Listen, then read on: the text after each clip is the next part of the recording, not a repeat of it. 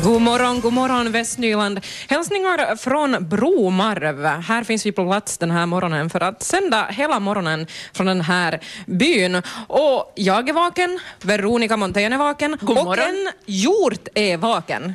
Vi såg precis en hjort när vi kollade ut genom fönstret. Vi är här i gamla bankhuset just nu.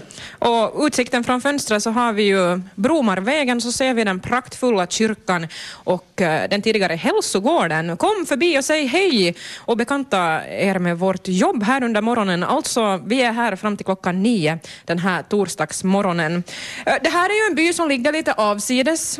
Det tog kanske oss en lite dryga 30 minuter att köra ner hit från Ekenäs idag. Det är en ganska lång krokig väg, jog. Och vi såg faktiskt en älg på vägen, så djuren är verkligen vakna idag. Mm, vi får hoppas att Bromarborna också börjar vakna så småningom. Vi har bjudit hit några Bromarbor under morgonen. Det här är ju en eh, by där den kommunala servicen har lagts ner, eller så är den hotad. Till exempel lades ju äldreboendet Bromarvhemmet här ner för, för några år sedan. Skolan har varit nedläggningshotad. Eh, det här bankhuset står tomt för att Aktia stängde banken här i slutet av förra året. Men ändå så känns det om att här finns mycket liv och här finns en stor drive, stor energi att vilja få Bromarv att överleva. Mm, tack vare de här byborna som är, verkar vara otroligt aktiva just i den här byn. Mm, den här morgonen ska vi bekanta oss med, med några av dem och också med, med några projekt som, som håller på här som bäst. Jag heter Malin Valtonen och med som sagt också Veronica Montén den här morgonen. Hoppas du får en bra start på den här torsdag morgonen. Vi är som sagt på, i Bromarv den här morgonen och sänder hela vår, vår västnyländska sändning härifrån. Men vi kommer också att prata om annat än bara Bromarv, till exempel fotboll. BK40 BK46 i Karis så har nu nämligen fotbollslaget för herrar i division 2 så gott som under kontroll. Det är bara en eller kanske två mittbackar som ännu saknas. Eh, igår presenterade man några nya spelare. Det finns sex stycken av dem eh, och två av dem är Tyler David från USA och Italo Henrique Macedo Basilio från Brasilien. Hoppas att det blir rätt här nu. Men det finns också vissa smeknamn.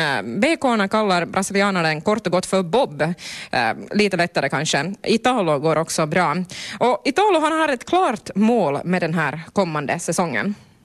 O objetivo é, eu tô pensando junto com o Becou, que é a primeira divisão, né? Subir, subir divisão junto com o Becou. E se Deus quiser ir pra cima. Crescer junto com o Becou. Mitt mål är att BK spelar i division 1, säger Italo. Efter det är framtiden öppen för hans del. Italo har ett kontrakt på två år med BK 46. Sim, é possível. Por que não? Why no? It's possible. ja, ja, ja. Det är möjligt för BK att ta sig till division 1, säger Italo genom sin tolk. Han pratar portugisiska och håller just nu på att lära sig finska på Lärkulla i Karis, där han också bor. Tyler David från USA är i samma situation. Han försöker också lära sig finska. And then I played at a university called St. Louis University in Missouri. Um, played there for four years. After that, um, I was drafted to play for Vancouver Whitecaps in the MLS. Um, never signed a contract, and then played for two years in the second division at St. Louis Football Club. Tyler David har växt upp i Minneapolis i Minnesota i USA. Han studerade vid St. Louis University i Missouri där han också spelade fotboll för St. Louis Football Club i fyra år. Sedan försökte han få kontrakt i Vancouver, men det lyckades inte. Så David återgick till St. Louis där han spelade fotboll i två år innan han kom till Finland. Tyler David lockades till FC Haka i Valkeakoski, men det blev inget kontrakt med den klubben. Não, acredito que não seja difícil porque o futebol é universal, né? Como eu ia falando. Dentro, dentro de campo, todo, todos se entendem ali, entendeu? Então acredito que não é muito difícil, não. E está, está sendo fácil, eu creio. Italo säger att det inte är svårt att komma in i ett nytt lag. Fotbollen har ett universellt språk. Alla kan spela och det är det viktiga, konstaterar han. Italo känner tillförsikt inför säsongen med ett nytt lag. Jag känner mig lugn och glad. Allt är nytt, men det är okej.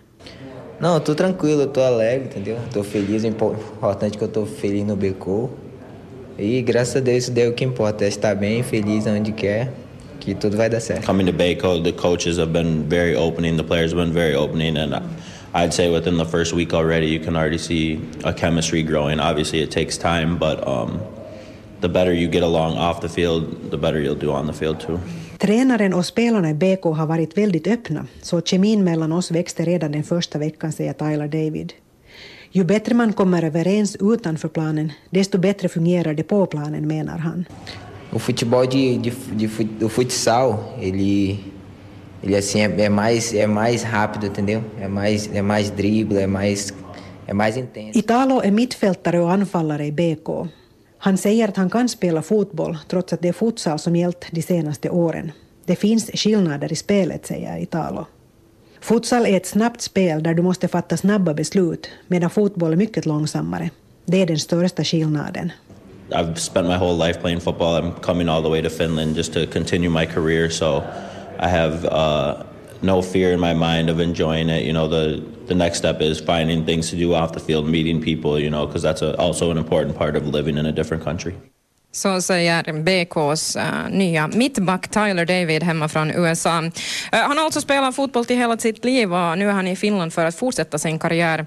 Och nu ska han försöka hitta någonting annat att göra utanför spelplanen, för det är också viktigt om man bor i ett annat land, berättar han här för Marika Hildén.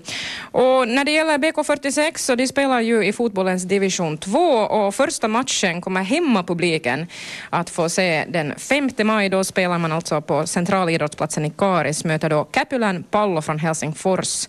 5 maj alltså klockan 17. Här hade vi Kylie Minogue med låten Slow. Och den västnyländska sändningen, vi sänder ju hela morgonen från Bromarv, så det kommer att bli en hel del Bromarv-relaterat den här morgonen. Men idag berättar vi också att um, historieläraren och författaren Sture Lindholm från Ekenäs har fått ett eh, stort pris. Det är Svenska folkskolans vänner som har gett folkbildningspriset till Lindholm och det är värt 15 000 euro. Idag uppdaterar vi dig också det senaste om pizzeriarånet i Karis. Um, ehm, det var två pojkar födda år 2001 och 2014 som rånade den här pizzerian på Bangatan i Karis i slutet av januari. Och för den äldre pojken är brottsrubriceringen nu rån. Och ja, det strängaste straffet för rån i Finland så är sex års fängelse. Här hade vi Rudimental, Macklemore och Jess Glynn, These Days. En ny låt som släpptes tidigare i år. Den här sändningen går från Bromarv den här morgonen, en by som eh, du säkert känner till, ligger lite avsides och, och, och har eh, väldigt eh, mycket folk här på sommaren, speciellt då det finns mycket fritidsgäster. Men däremellan så är det lite svårare att få byn att gå runt. Men här finns ändå en vilja att, att, få, liksom att man ska få det att gå runt, att, att byn ändå inte ska dö ut. Um, här finns omkring 500 fast bosatta tror jag och hälften av dem börjar bli till åren de är över 60 år. Um, lite negativa nyheter för byn var ju att äldreboendet Bromarvhemmet så lade ju staden ner här. Då försvann flera jobb. Också skolan var ju i riskzonen att läggas ner men, men den räddade man. Och vissa byar hade ju kanske lagt sig ner och förberett sig på att dö ut, men inte här i, i Bromarv. Um, här med mig nu är Henrik Huldin, byrådets ordförande i Bromarv och Jessica Aminoff som är vice ordförande i byrådet, också nyinvald i byrådet. Um, för mig så känns det ju lite som att um, när Bromarv nu hade flera tuffa år här, så det, det, det blev ganska många utmaningar, men det, var, det känns lite som att en ny eld föddes här som börjar brinna. Eh, är det så eller är det bara jag som uppfattar det så från utsidan, Henrik? För det första vill jag välkomna er till Bromar. Det är roligt att ni kommer och, och, och, och där besöker oss. Och I Bromar försöker vi på många olika sätt hålla liksom aktiviteterna uppe. Det är på många olika plan som byrådet jobbar tillsammans med många andra föreningar. Så här finns nog en anda som är positiv och, och försöker sig framåt. Ja, vad beror det då på att man så i Bromar vill, liksom, ja, att man vill så mycket här i Bromar? Nåja, jag vet inte om jag har svaret på den frågan, men det har ju länge funnits liksom den här, den här andan på något sätt. Jag menar allt sedan byrådet grundades för drygt 30 år sedan så har det funnits det här frivilliga ideella arbetet för, för byn och, och det är nog ganska starkt rotat i, både Bromarbor men också hos fritidsbefolkningen tycker jag. Så på det sättet så är det, så är det ganska många som känner för Bromarv och vill jobba för Bromarv. Och byrådet så jobbar ju helt på Talko och, och, och ditt stora skötebarn kan man väl säga, Henrik, så har ju blivit det här Skärgårdshamnen, det stora projektet. Det, det pågår alltså bara en, ett stenkast härifrån. Där förnyas hela hamnen just nu. Varför vill man då sätta liksom så mycket av sin fritid för att förverkliga ett projekt? Byrådet gör ju visserligen det här eh, tillsammans med Raseborgs stad, men ändå. No, om, om vi ska kunna leva vidare liksom, och den här byn ska ha service och vara aktiv så förutsätter det nog arbetsplatser. Och då måste man ju fundera på liksom, att på vilket sätt kan man försöka skapa arbetsplatser och försöka ha underlag för de företag som finns här. Och vi har nu resonerat på det sättet att en småbåtshamn med, med, med tillräcklig kapacitet och tillräcklig service kan vara en, en drivkraft och en, en motor för att skapa lite jobb och, och, och på det sättet skapa framtidstro. Jessica Aminoff, du har nyligen valts in i byarådets styrelse. Du är vice ordförande. Varför ville du vara med och, och jobba för Bromarv? Nu tror jag att i dagens läge om man har en möjlighet att kunna på något sätt påverka så, så tar man det gärna.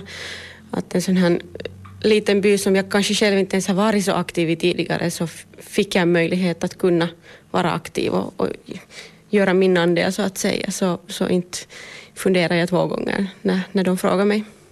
Du är hemma alltså från Rilax gård, och, men du är ändå uppvuxen i Karis. Uh, nu är du fast bosatt i Bromarv och här på golvet så, så rultar uh, lilla Evelin omkring. Det är alltså en av Bromarvs nyaste invånare. Evelin är tio månader gammal. Så hör man lite gurgel här så, så är det hon som, som också vill höras. Uh, var det en självklarhet att bosätta, bosätta er här, just i Bromarv? Jag tror att när man är yngre så är det kanske inte självklarhet. I tonåren så ska det ju vara fart och fläng på och man ska, ska ha mycket människor och happening runt omkring sig. Men jag tror att lite äldre när man blir så börjar man mer och mer uppskatta de här vyerna och det att det är lugnt. Och, och det här har också, speciellt nu när man har barn så tycker man ju att det finns inte ett bättre ställe som ett barn kan växa upp på. Att, men till och med före barn också så har jag tänkt nog att, att det här är ett drömställe och egentligen desto äldre jag har blivit desto mer märker jag att jag vill aldrig köra bort från Roma. Jag tycker det är liksom jobbigt. Jag skulle bara vilja stanna här. Nu är bara utmaningen att få andra att förstå det också förstås. Eh, men byrådet så bytte ju namn i fjol. Vettlax byaråd blev som sagt by, Bromarv byaråd. Och då samlar ni både människor och pengar. Hur väl har ni sen lyckats med att aktivera de andra Bromarborna då, Henrik Veldin? No, på det ena planet så tycker jag att vi lyckades ganska bra. Att vi fick ju fem gånger fler nya medlemmar, så vi är väl närmare 300 medlemmar i byrådet. Försöker då att samla pengar lokalt så det ligger fortfarande på is att den här utvecklingsfonden så är inte aktiv för tillfället. Men att det där vid behov så finns det möjligheter att aktivera den också. Hur kom det sig att den utvecklingsfonden inte riktigt kom igång?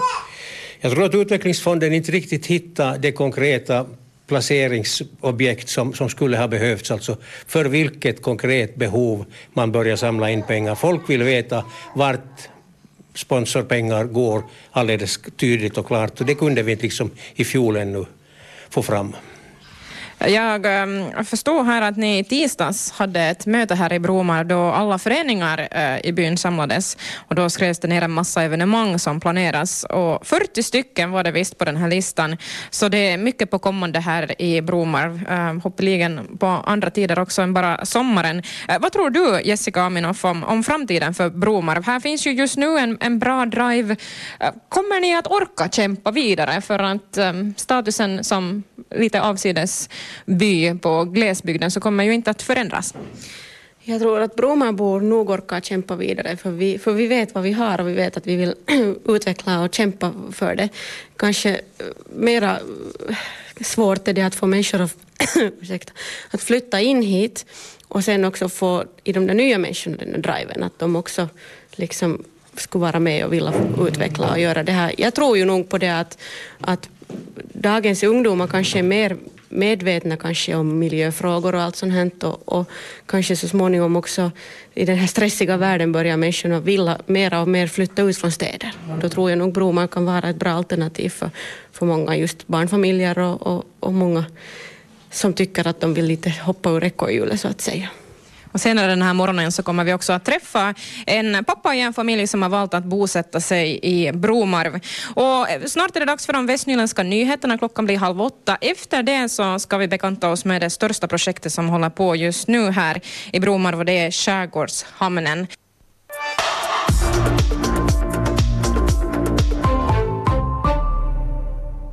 En solig tisdag som vi kommer att få idag, upp till 10 plusgrader som vi hörde här i de västnyländska nyheterna. Sol, det bjuder också Bromarv på. För en gång skulle jag ute från studion och får sända hela morgonprogrammet här från underbara Bromarvby. Här finns vi i banklokalen som numera står rätt så tom. Banken stängde här i, i slutet av förra året. Strax blir det mera om skärgårdshamnen. Min kollega Veronica Montén har traskat traskat neråt dit för att kolla in lite att vad är det exakt som händer där just nu. I sommar är det tanke på att den här nya renoverade hamnen ska stå klar. Ja, nu har jag förflyttat mig från det här bankhuset i Bromarv ner till Skärgårdshamnen. Och det här är ju ett ställe som många av er säkert har besökt någon gång. Här brukar det vara torg om somrarna och så håller Bromarpojkarna loppis här och det brukar vara välbesökt. Och du kanske minns då de här röda små försäljningsbodarna som eh, ligger ja, just nu till höger när jag ser ner på den här, det här hamnområdet.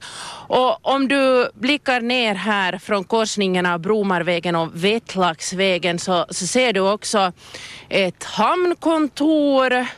Och i mitten står just nu fortfarande en midsommarstång. Och bredvid så, så ser man havet och en kaj som tidigare hade tre däck och brygga för, för några mindre båtar.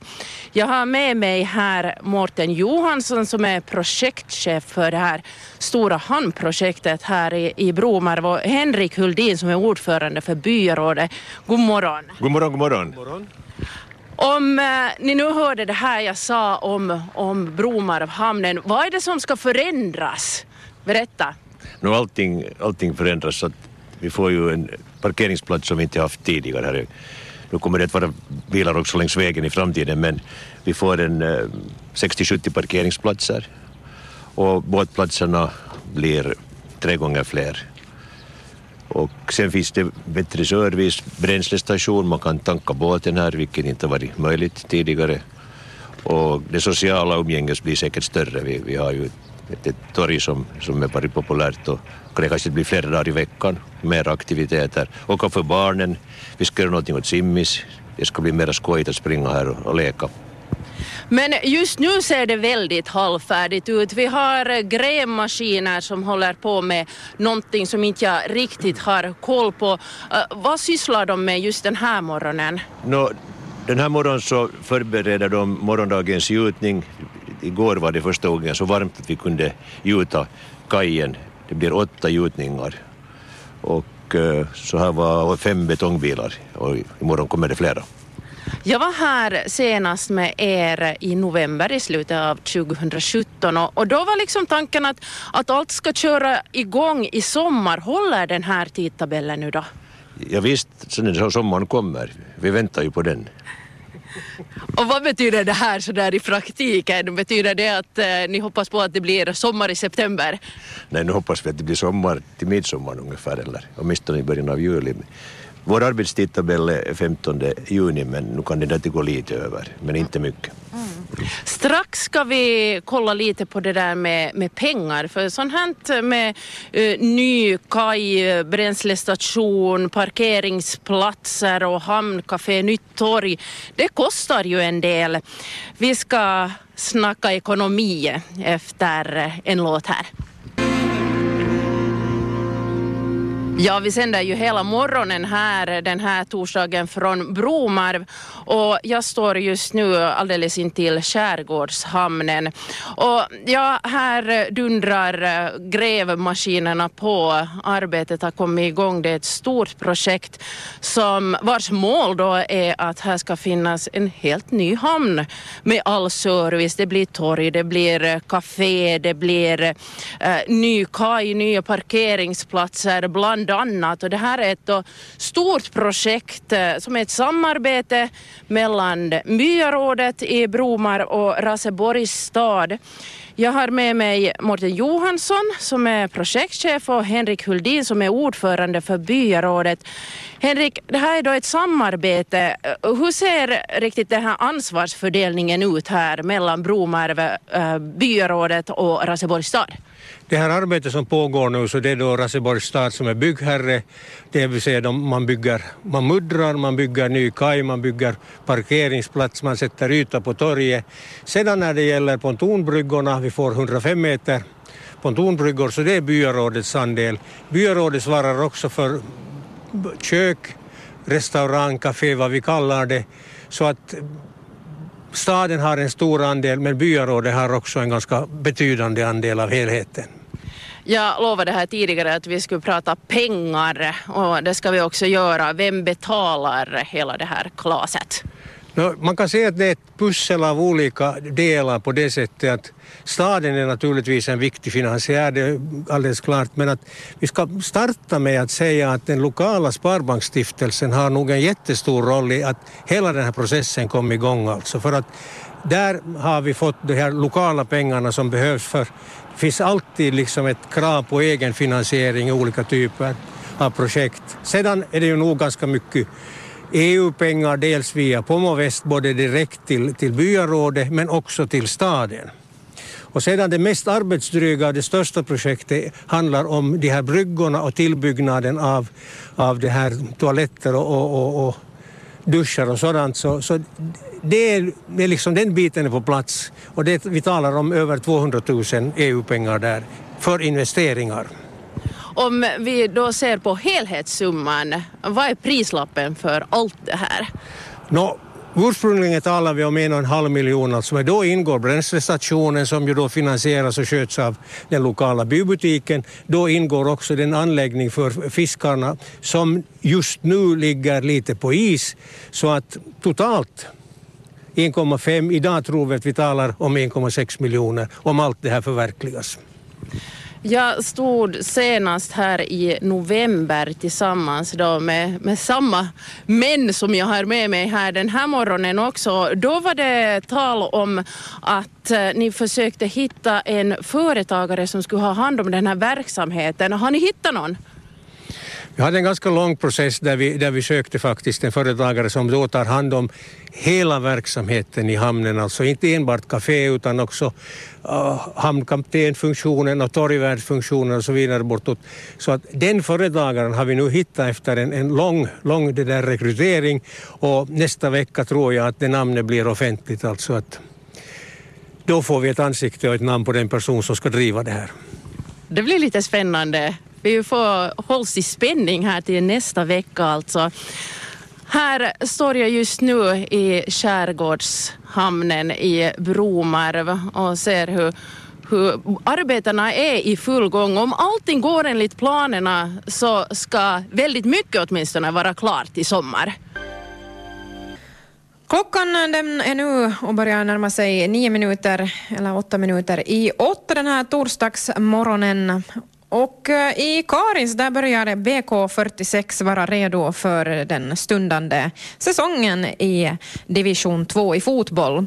Nu har man 22 spelare eh, knutna till sitt lag och en av de nya spelarna kommer från Brasilien, Italo Henrique Macedo Basilio, eller kort och gott Italo. Han är alltså en av de nya spelarna som man har gett kontrakt. Och hans mål för den här säsongen är att Karislaget ska stiga från division division 2 till division 1. Och det tycker han att det är helt möjligt. Men vad säger då um, ledningen inom BK om det här? No, Mats Grönblom han är manager för fotbollsherrarna i Karis och här ger han sin syn om BK och den kommande säsongen. Vi vill ju vara ett etablerat division 2-lag och vi vill ju hålla så nära toppen som möjligt och går det bra så ser vi hur långt det räcker. Men definitivt nog att, att vi ska hålla oss i tvåan, helt klart. Italo sa åt mig att hans målsättning är att BK46 spelar i division 1.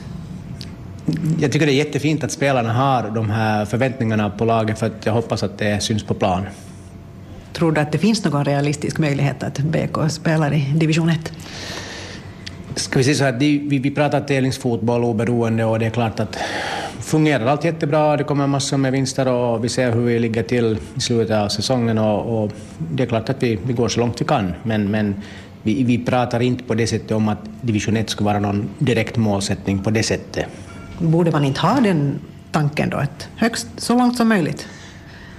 Mm, visserligen, säkerligen, men, men det är ju klart att, att division 1 ställer sen helt andra äh, ska vi säga, krav på, på förening och på ekonomi och, och allt sånt här. Att det är klart att skulle det situationen komma så det är klart att vi skulle ta en, en, allvarlig diskussion inom BK.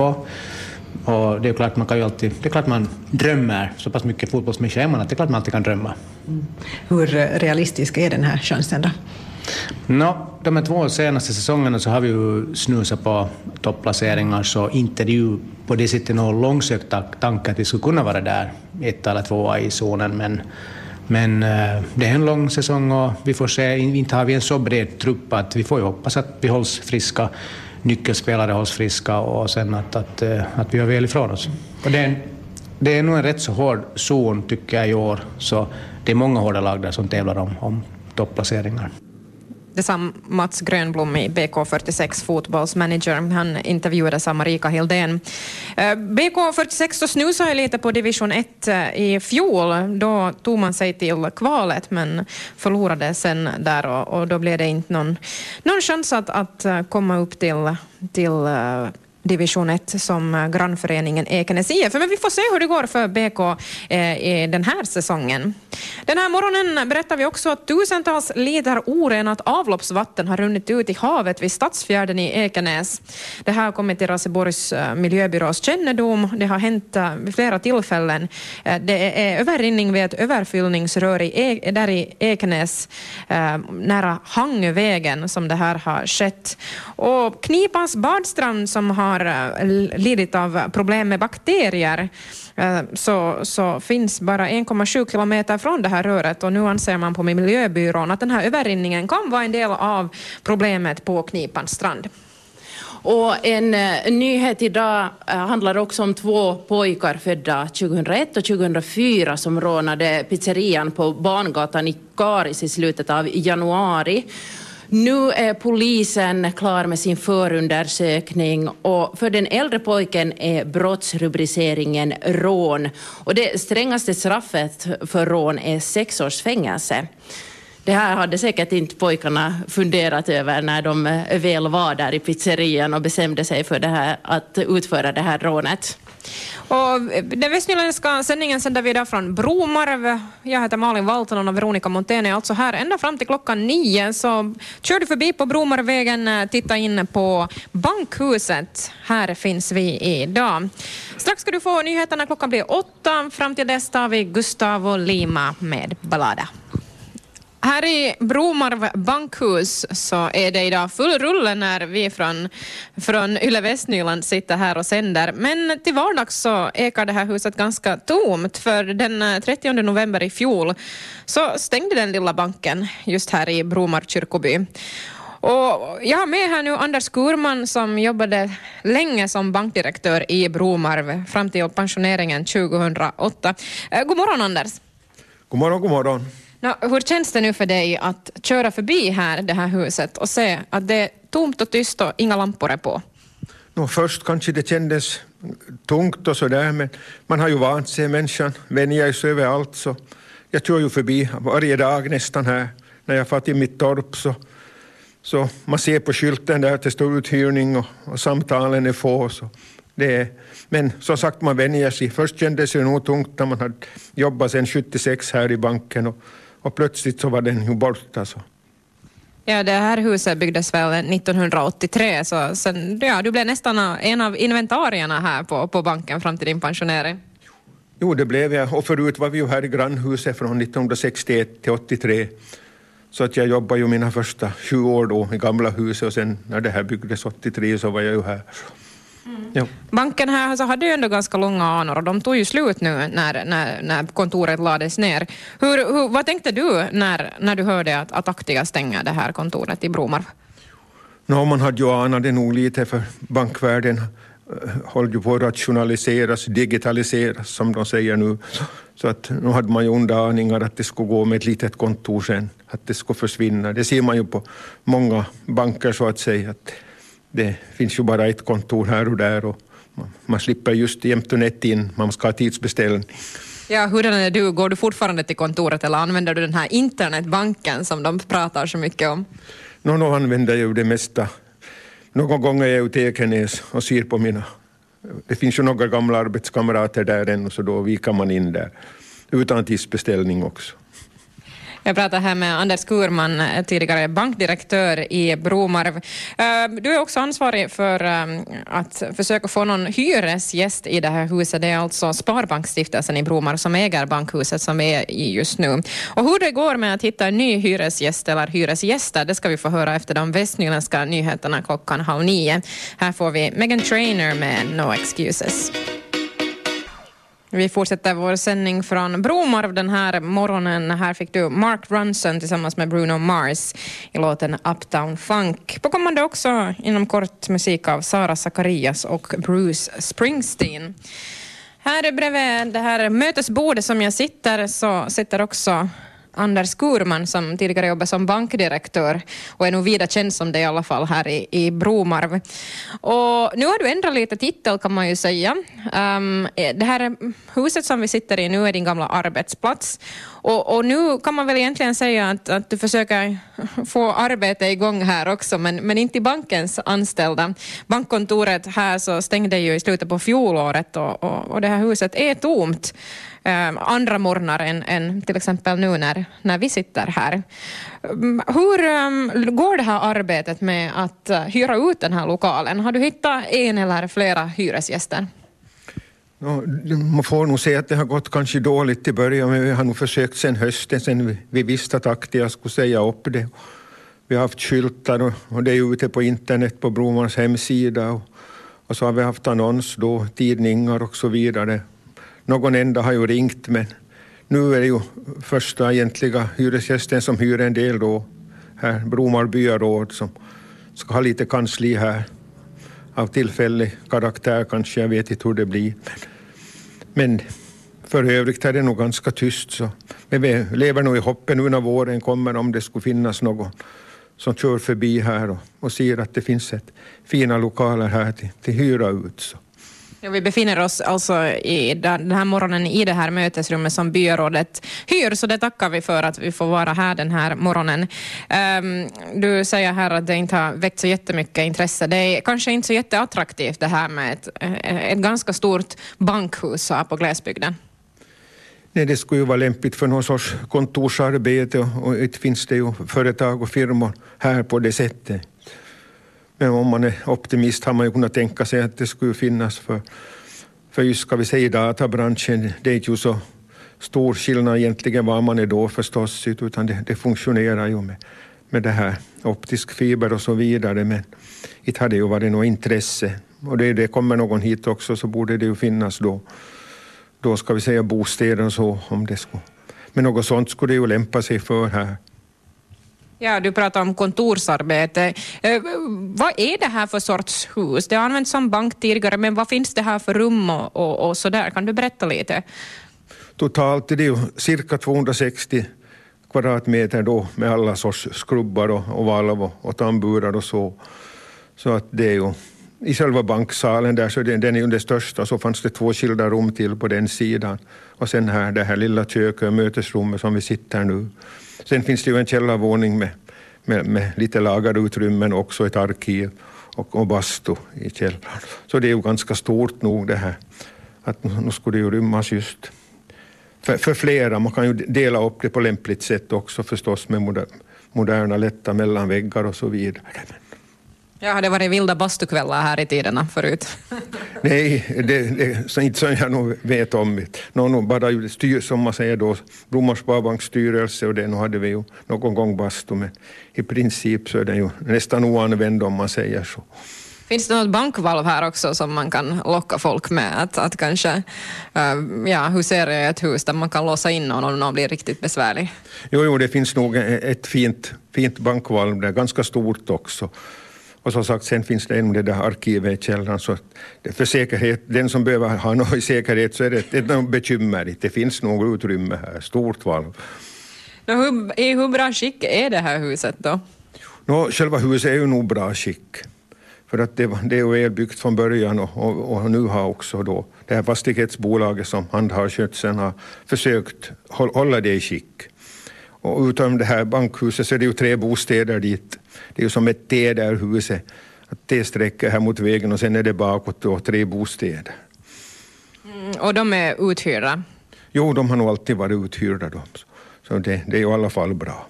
Du pratar här, Anders Kurman, om att eh, det skulle kunna finnas lite mera hyresbostäder bostäder i Bromarv och på så sätt kanske man ska locka hit nya människor. Och inom kort så ska vi faktiskt prata eh, med en man som har landat i Bromarv. Eh, historien hur jag fick tag på den här mannen är ganska rolig och den ska du få höra efter Sara Sakarias med Stanna kvar hos mig stanna kvar hos mig med Sara Sakarias, som för övrigt är Ted Gärdestads dotter, uppläste Anders Kurman mig om här.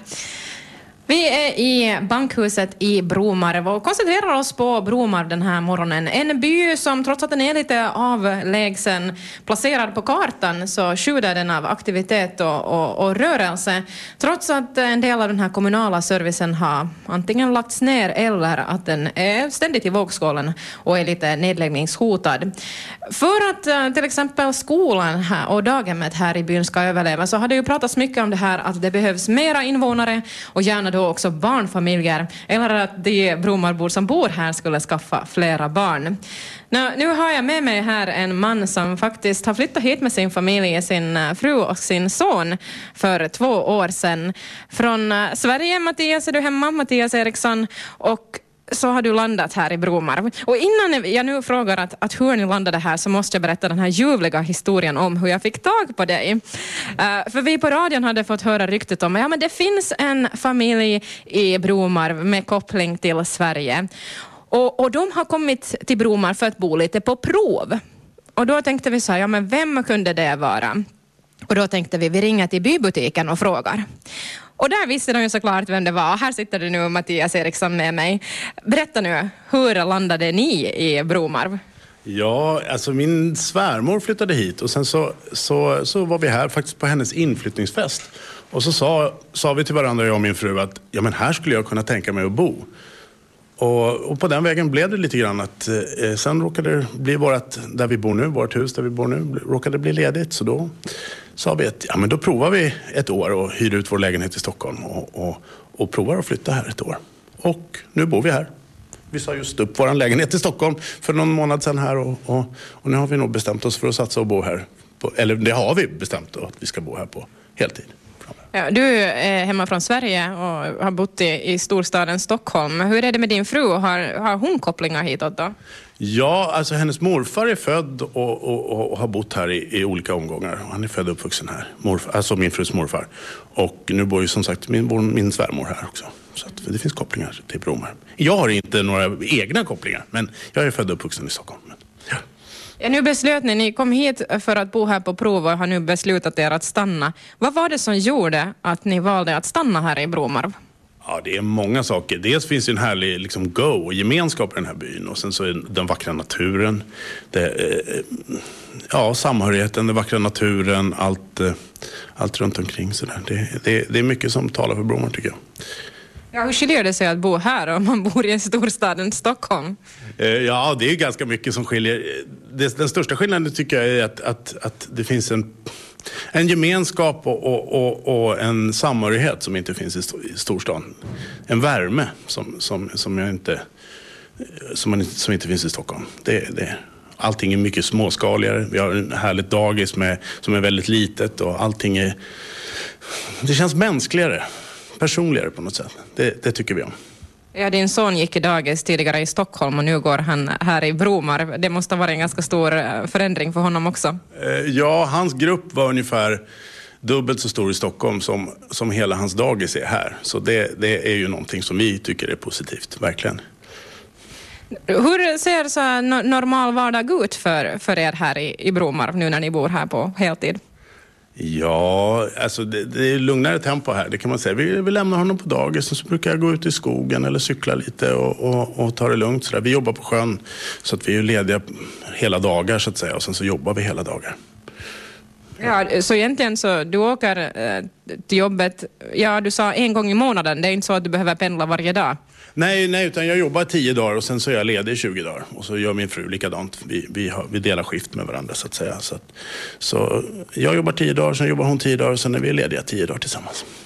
Ja, jag kan tänka mig att många räds lite den här sträckan, det här avståndet till att, att pendla från Bromar till, till andra håll. Men det här har ni alltså löst, ni, ni åker bara en gång i morgonen på jobb. Och jag förstår också att, att du har ingen bil? Nej. Det, nej, det stämmer. Det stämmer, det stämmer faktiskt. Ja, det, vi är ju gamla stadsbor så vi har liksom inte riktigt eh, anpassat oss efter det här eh, lantlivet där man måste ha bil. Men vi tycker det funkar jättebra. All service finns ju här i Bromar. Vi har ju butiken, vår underbara bybutik och, och, och skolan ligger precis bredvid och biblioteket. Så just nu har vi faktiskt inte hittat, känt att vi behöver det, bil faktiskt. Jag pratar alltså med Mattias Eriksson som flyttade med sin son och fru hit till, eh, till Bromar från Sverige på prov för två år sedan och har nu bestämt sig för att um, fortsätta bo och de vill stanna här i Bromar. Uh, du har ju kommit utifrån och sett uh, det här stället med, med andra ögon än, än folk som kanske är hemmablinda. Uh, du pratar väldigt varmt om den här byn, att här finns en samhörighet som är väldigt fin och, och det här med att allt som man egentligen behöver på daglig basis finns just här i byn. Men, men finns det någonting då som du har sett som kunde utvecklas för att, att flera andra i er situation skulle flytta hit? Ja, utvecklas vet jag inte, men vad, vad som eh, känns väldigt viktigt är att vi har skolan kvar. Det, det tycker jag känns är väldigt, väldigt viktigt. Eh, att vi får behålla skolan. För det, det, är, det är någonting som jag tror inte folk är... Jag tror folk kan tänka sig att pendla till jobbet, men att föra sina barn långa sträckor känns, tror jag inte är, är, är, är någonting som... Det känns tryggt att ha skolan och, och daghemmet här i, i Bromar. Det tycker jag. Så det finns ingenting du saknar som du skulle vilja få hit till Bromar?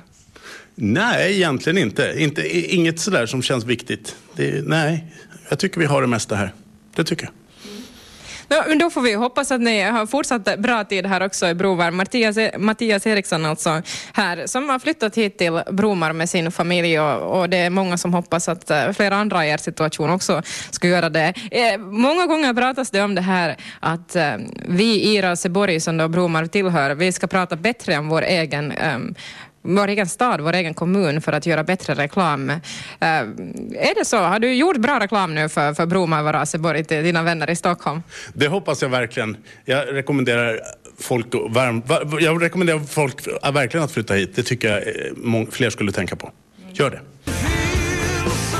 Klockan den börjar närma sig nio den här torsdagsmorgonen som vi har sänt eh, den västnyländska sändningen härifrån Bromarv. Eh, men vi har inte bara pratat Bromarv idag, vi har också berättat det senaste om pizzerierånet i Karis. Där är förundersökningen nu klar. Det har visat sig att det var två pojkar födda 2001 och 2004 som rånade den här pizzerian som då fanns på Barngatan i Karis. Och för den äldre av pojkarna är brottsrubriceringen rån och det strängaste straffet för rån är sex års fängelse.